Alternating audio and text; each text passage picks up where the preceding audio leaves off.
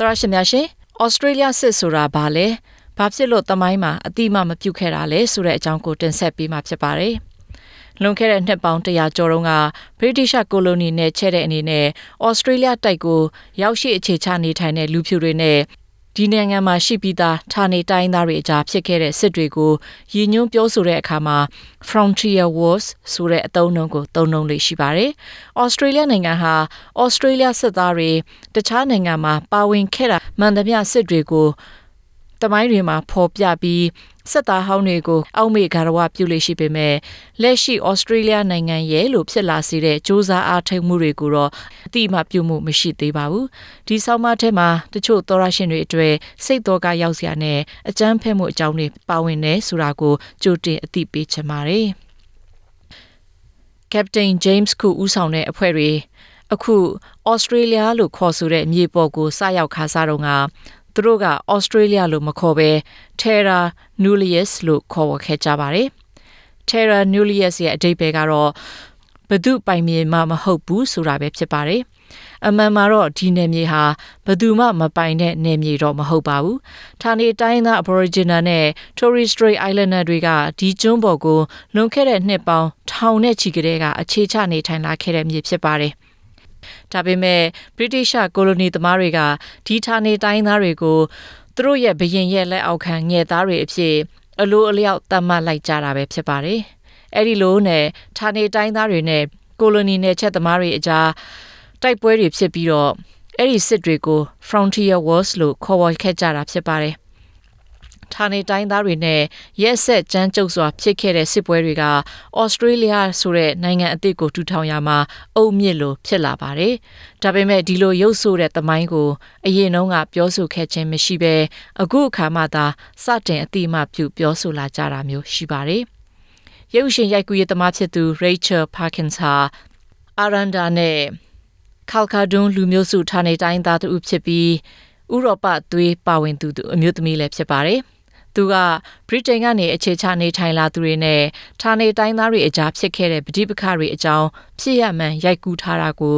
ဖြန့်ချီမဲ့သူဖြစ်ပါတယ်။ဌာနေတိုင်းသားတွေအနေနဲ့သူတို့နယ်မြေအတွက်ဗြိတိရှရဲ့ရန်ကနေဘလို့ခုခံကာကွယ်ခဲ့ကြတယ်လဲဆိုတဲ့အကြောင်းတွေကိုရိုက်ကူးထားတာပဲဖြစ်ပါတယ်။ Let's begin with the title The Australian Wars.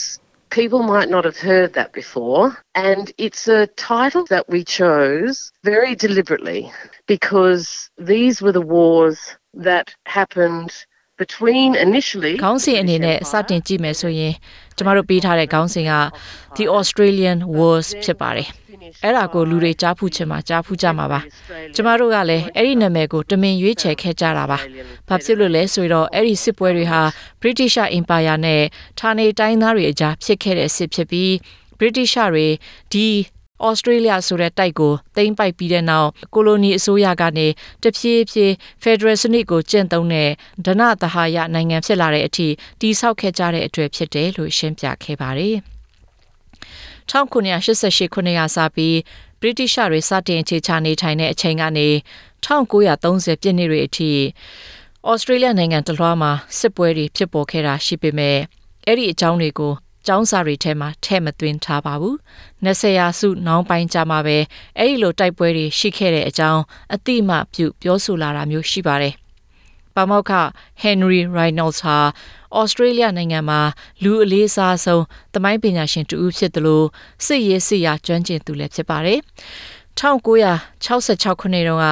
သူသမိုင်းဘာသာရကိုစတင်သင်ကြားခဲ့တုန်းကသမိုင်းစာအုပ်ထဲမှာ Aboriginal ဆိုတဲ့စကားလုံးကို အသုံးမပြုသလောက်ပဲလို့ပြောပြပါတယ်။ Then you mentioned the Aborigines twice merely in passing and there wasn't even an entry in the index.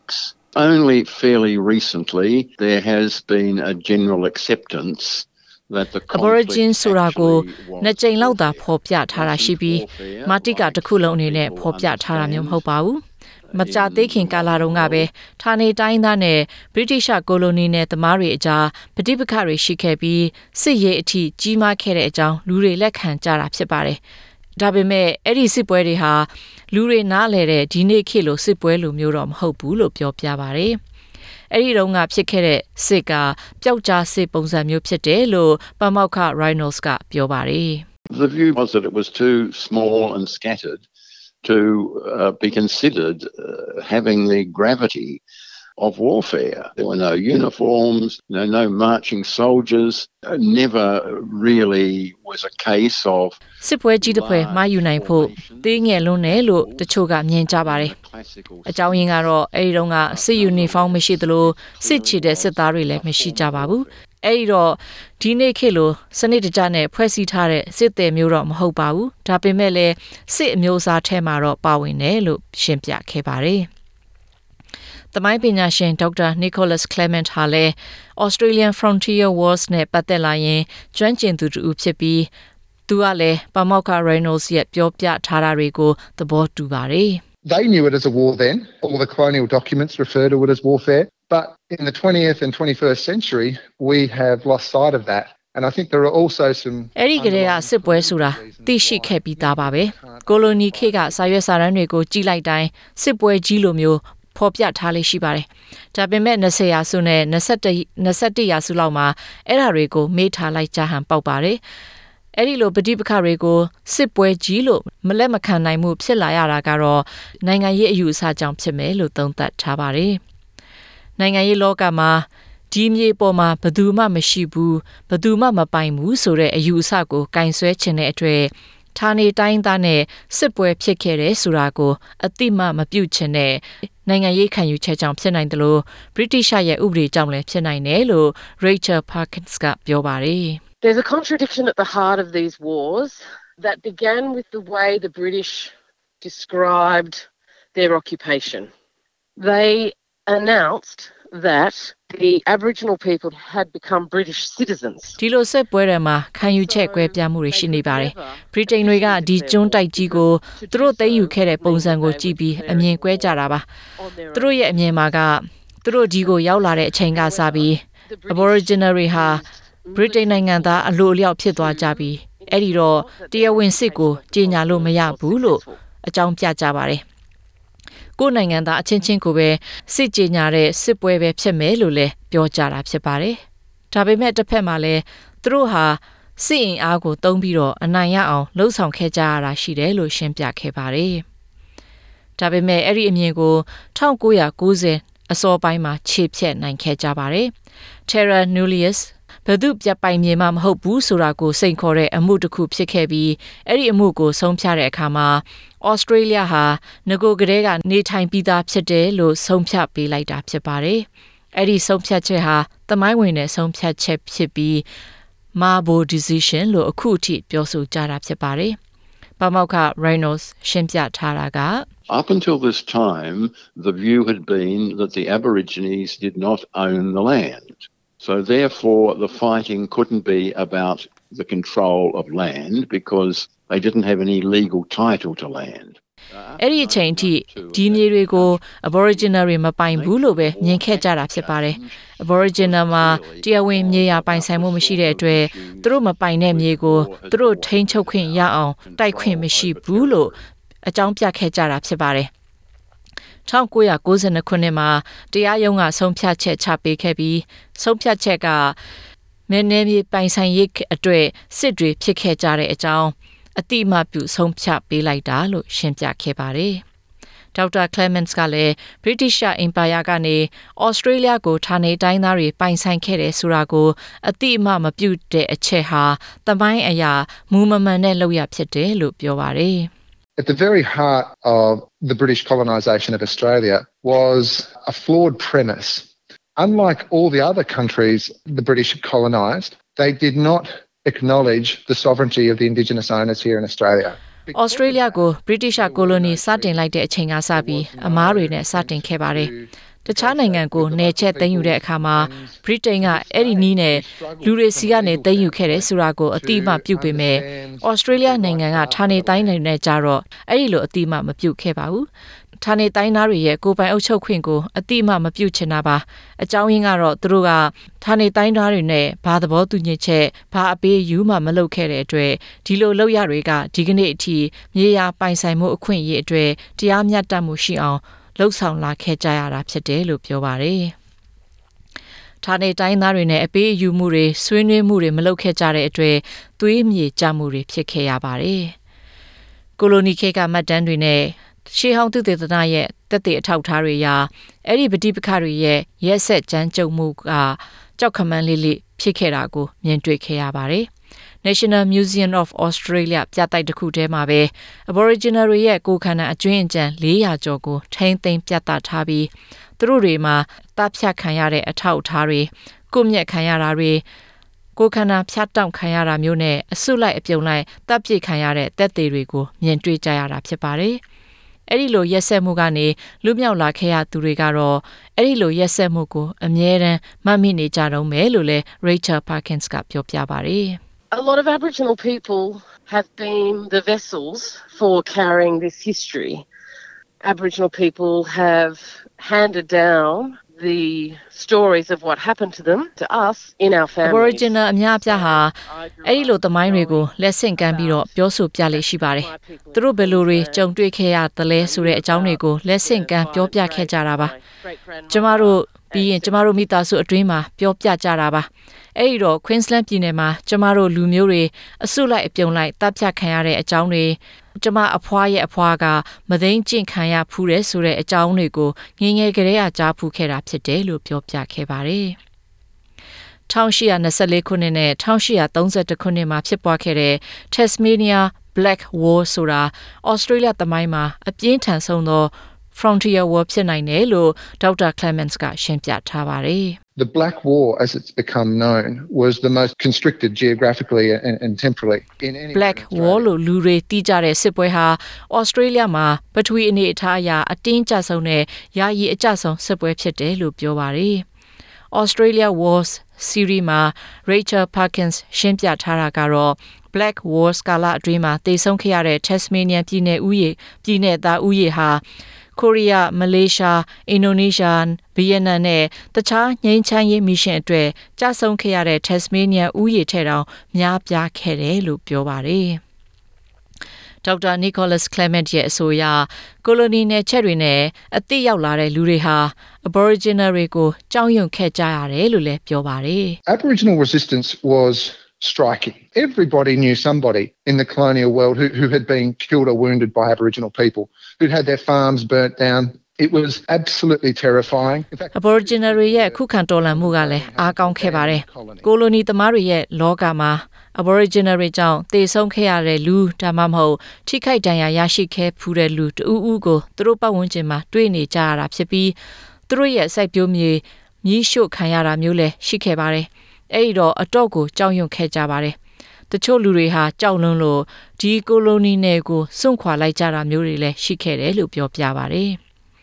ဒါပေမဲ့နောက်ပိုင်းမှာတော့ဥရောပတိုက်သားတွေဘက်ကစစ်တွေမှာအနိုင်ရပြီးတက်စမေးနီးယားမှာဆိုရင်ဌာနေတိုင်းသားတွေမျိုးတုံးလူနေပါအထိဖြစ်ခဲ့ရပါတယ်။ It's only by a hair's breadth that we even have Aboriginal descendants in Tasmania today because they were almost completely Aboriginal တွေ Tasmania မှာမျိုးတုံးဖို့ဆံမြင်တမြင်စာအလိုမှသာရှိခဲ့တာဖြစ်ပါတယ်။အကြမ်းဖက်မှုတွေကြောင့်သူတို့တွေမျိုးတုံးလူနီးပါးအထိဖြစ်ခဲ့ရတယ်လို့ပြောပြခဲ့ပါတယ်။အကြမ်းဖက်မှုတွေထဲမှာလိမ်ပိုင်းဆိုင်ရာအကြမ်းဖက်မှုတွေလည်းအများအပြားပါဝင်ခဲ့ပါတယ်။စနစ်တကျနဲ့မဒိန်ကျင့်မှုတွေ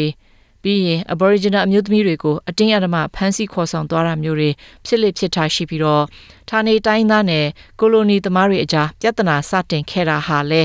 လိန်ပိုင်းဆိုင်ရာမဖွဲမရပြုမှုခဲ့ရကနေစတင်ခဲ့တာလို့ပြောပြပါတယ် The trigger for the violence the match that lit the spark was sexual violence and that all that story begins with the gender imbalance in colonial society so in Tasmania for instance there were 10 or 12 men for every woman အကြမ်းဖက်မှုစတင်ဖြစ်စေတဲ့အရာမီးတောက်မှုဖြစ်စေတဲ့မီးတစားကလိန်ပိုင်းဆိုင်ရာအကြမ်းဖက်မှုကြောင့်ဖြစ်ပါတယ်။ကိုလိုနီသမားတွေအကြားမှာကြားမှာအချိုးစားမညီမမညီမျှမှုများပြားခဲ့ပါတယ်။အဲဒီတော့ Tasmania မှာဆိုရင်အမျိုးသား10ယောက်သို့မဟုတ်12ယောက်ဆိုရင်12ယောက်မှာအမျိုးသမီး1ယောက်နှုံးသာရှိခဲ့တဲ့အချိုးစားဖြစ်ပါတယ်။အဲ့ဒီလိုကြားမအချိုးစားမညီမျှမှုဖြစ်နေချိန်မှာတစ်ဖက်မှာ Aboriginal အမျိုးသမီးတွေက အဝတ်အထည်မပါတဲ့အရိုင်းသက်သက်အခြေအနေရှိနေပြီးအဲ့ဒီအမျိုးသမီးတွေကိုသူတို့ကလူလို့တောင်ကကောင်းမတတ်မှတ်ခဲ့ကြပါဘူးလေးစားမှုပြစရာမလိုတဲ့အမျိုးသမီးလို့ခံယူခဲ့ကြတဲ့အချိန်ဖြစ်တယ်လို့ရှင်းပြခဲ့ပါတယ်လိမ်ပိုင်းဆိုင်ရာအကြမ်းဖက်မှုကနေစတင်တဲ့တော်လှန်မှုတွေကိုထိန်းချုပ်နိုင်ဖို့အတွက်ကိုလိုနီနယ်ချက်သမားတွေဟာဌာနေတိုင်းသားတွေကိုပဲရဲအလုပ်ပြန်လုပ်ခိုင်းပြီး အကြောက်တရားတွေနဲ့တင်သွင်းခဲ့တယ်လို့ပမောက္ခ Reynolds ကပြောပါတယ် You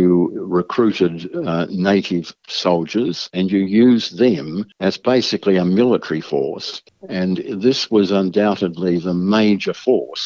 in breaking down Aboriginal resistance. ဌာနေတိုင်းသားတချို့ကိုစစ်တင်နှံပေးပြီးစစ်တပ်တပွဲပြန်လည်အသုံးပြုလိုက်ကြပါတယ်။အဲ့ဒီလိုလုပ်ရက Aboriginal တွေရဲ့ခုခံတော်လှန်ရေးကိုအားနည်းသွားစေတဲ့အဓိကအချက်ဆိုတာတန်တရားဖြစ်စရာတော့မရှိပါဘူး။ ဌာနေတိုင်းသားရဲတွေကိုကိုလိုနီတလွားမှာနှစ်ပေါင်း90ကြာအသုံးပြုလာခဲ့တာလည်းဖြစ်တယ်လို့ရှင်းပြခဲ့ပါတယ်။အဲ့ဒီဌာနေတိုင်းသားရဲတွေကိုယူနီဖောင်းတွေတနက်တွေနဲ့မြင်းတွေကိုပေးလိုက်ကြတာဖြစ်ပါတယ်။လူဖြူအရာရှိတွေကသူတို့ကိုဖျားယောင်းသွေးဆောင်ပြီးသူတို့ရဲ့နေကျွမ်းကျင်မှုကိုသူတို့လူမျိုးကိုနှိမ်နင်းရမှာပြန်လည်အသုံးချခဲ့တာဖြစ်တယ်လို့ဒေါက်တာ Clements က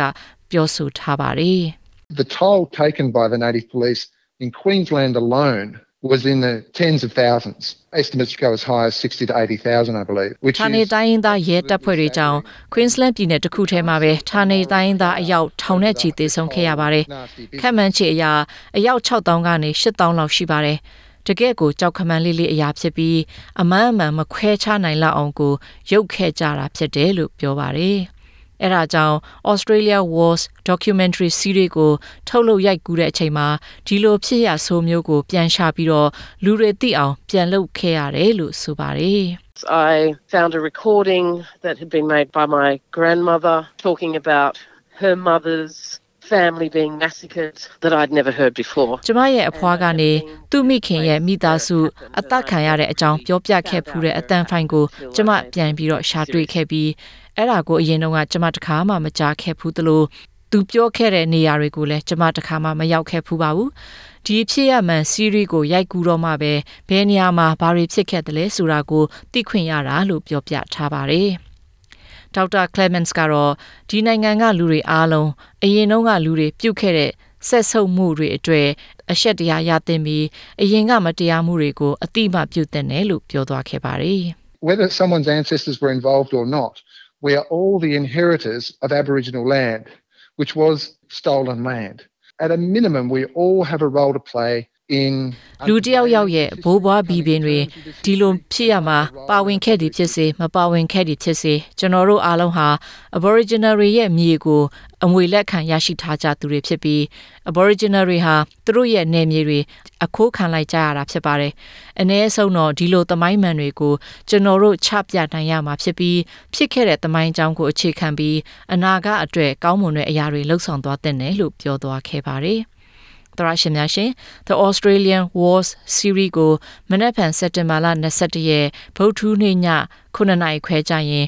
SBS ရုပ်မြင်သံကြားနဲ့ NITV ရုပ်မြင်သံကြားအစီအစဉ်မှာပြသသွားဖို့ရှိပါတယ်။ The Australian Wars ကို SBS On Demand မှာ Simplify တရုတ်ဘာသာ Arabic ဘာသာ traditional တရုတ်ဘာသာနဲ့ Vietnam ဘာသာအပြင် ကိုရီးယားဘာသာစတဲ့ဘာသာစကား၅မျိုးနဲ့လည်းကြည့်ရှုနိုင်မှာဖြစ်ပါတယ်။ဒီလိုအရေးကြီးတဲ့သမိုင်းကြောင်းတွေကို Australia တွေအများအပြားပါဝင်ဆွေးနွေးနိုင်စေဖို့အတွက်ရည်ရွယ်လှုပ်ဆောင်တာဖြစ်ပြီးမျက်မြင်မြင်တွေလည်းအတန်ဖိုင်တွေနဲ့နားဆင်နိုင်အောင်လှုပ်ဆောင်ပေးထားတဲ့အကြောင်းရေးထားတဲ့ Claudiana Blanco ရဲ့ဆောင်းပါးကိုတင်ဆက်လိုက်ပါရရှင်။ကျမကမူလှိုင်းသိမ့်ပါ။